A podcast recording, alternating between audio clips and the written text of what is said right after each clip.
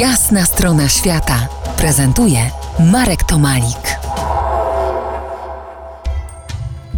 Po jasnej stronie świata Cezary Borowy, autor książki Spowiedź Hanna Solo, byłem przemytnikiem w Indiach. Czarku, czy można uzależnić się od, y, od latania, od przemytu? Nie wiem, czy od samego przemytu, ale od adrenaliny na pewno. A ta adrenalina nam towarzyszyła non-stop, bo to było ciągłe napięcie.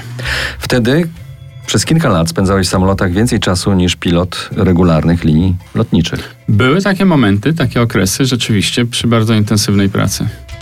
Ale wtedy na trasach Dalekiego Wschodu czuliście się królami życia. Wasze możliwości wydawały się nieograniczone.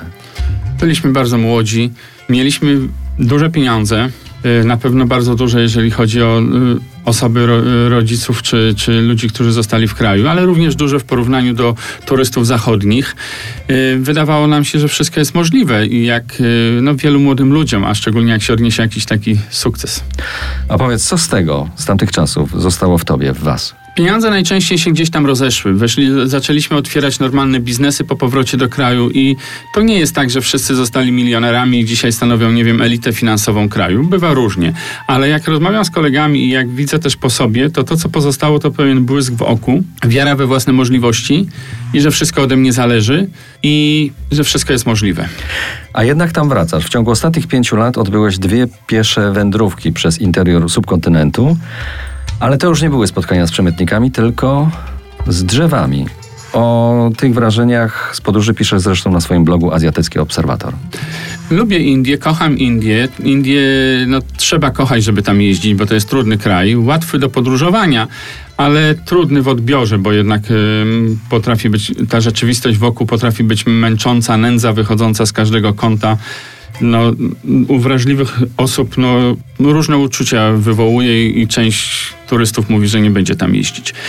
A ja kocham jeździć, chcę ten kraj poznać coraz bardziej, poznaję go coraz bardziej, aczkolwiek no, pewnie nigdy nie powiem, że go znam, bo to jest, to jest, to jest nie do ogarnięcia, jeżeli chodzi o ilość kultur, religii, relacji, tych znaczeń, to, to wszystko można tylko tak troszeczkę dotknąć. Wiele jest książek na ten temat, szczególnie po angielsku, po polsku trochę mniej, ale praktycznie wszystko dotyczy kultury, religii, zabytków. A tam jest też przyroda. I tam to są też drzewa. No ponieważ ja jestem z wykształcenia ogrodnikiem, z pierwszego wykształcenia, no to sobie tym drzewom się przyglądałem i sobie notowałem i niektóre są warte opisania i te opisywałem. No myślę, że jest część osób, które też interesuje botanika. No. Na pewno. Przypomnę, że waszym i moim gościem po jasnej stronie świata był Cezary Borowy, Wel Han Solo, autor książki Spowiedź Hanna Solo, byłem przemytnikiem w Indiach, która, która czyta się sama i którą na długie wciąż wieczory zimowe bardzo mocno polecam. A teraz na dobre zakończenie naszej dziś rozmowy hymn przemytników polskich z lat 80. XX wieku. To była jasna strona świata w RMF Classic.